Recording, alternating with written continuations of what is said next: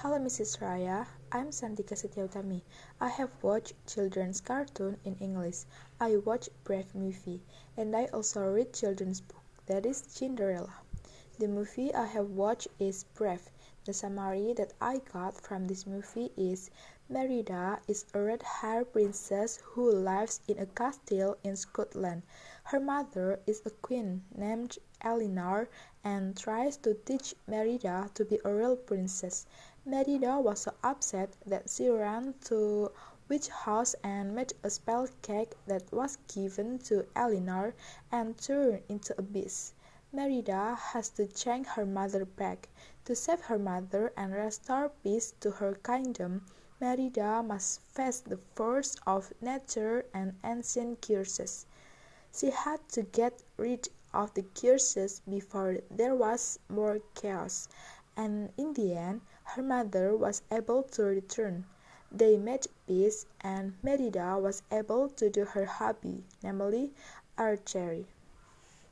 My experience after using new vocabs from this movie is I feel very challenged. The vocabs in this movie are very amazing. I have a lot to learn, but I like being able to learn vocabs from movies and I can remember them more easily. I also read an English version of a children's book, that is Cinderella. The summary that I got from this book is Cinderella is an urban girl. However, her father remarried.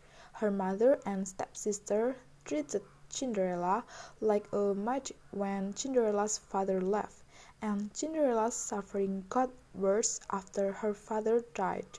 One day, the prince held a party. Cinderella couldn't come because of her dress.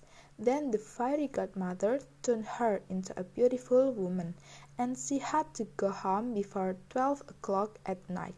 When she came to the party, the prince fell in love. At twelve o'clock at night, Cinderella left, and in her rush she left behind her glass slipper. The prince searched all corners of the country to look for her. When Cinderella tried the glass slipper, it was the right size, and the prince was very happy. They got married and lived happily ever after. My experience after using new vocabs from this book is I feel like I have to be good at putting vocabs into life. Think about what it means and how to use it.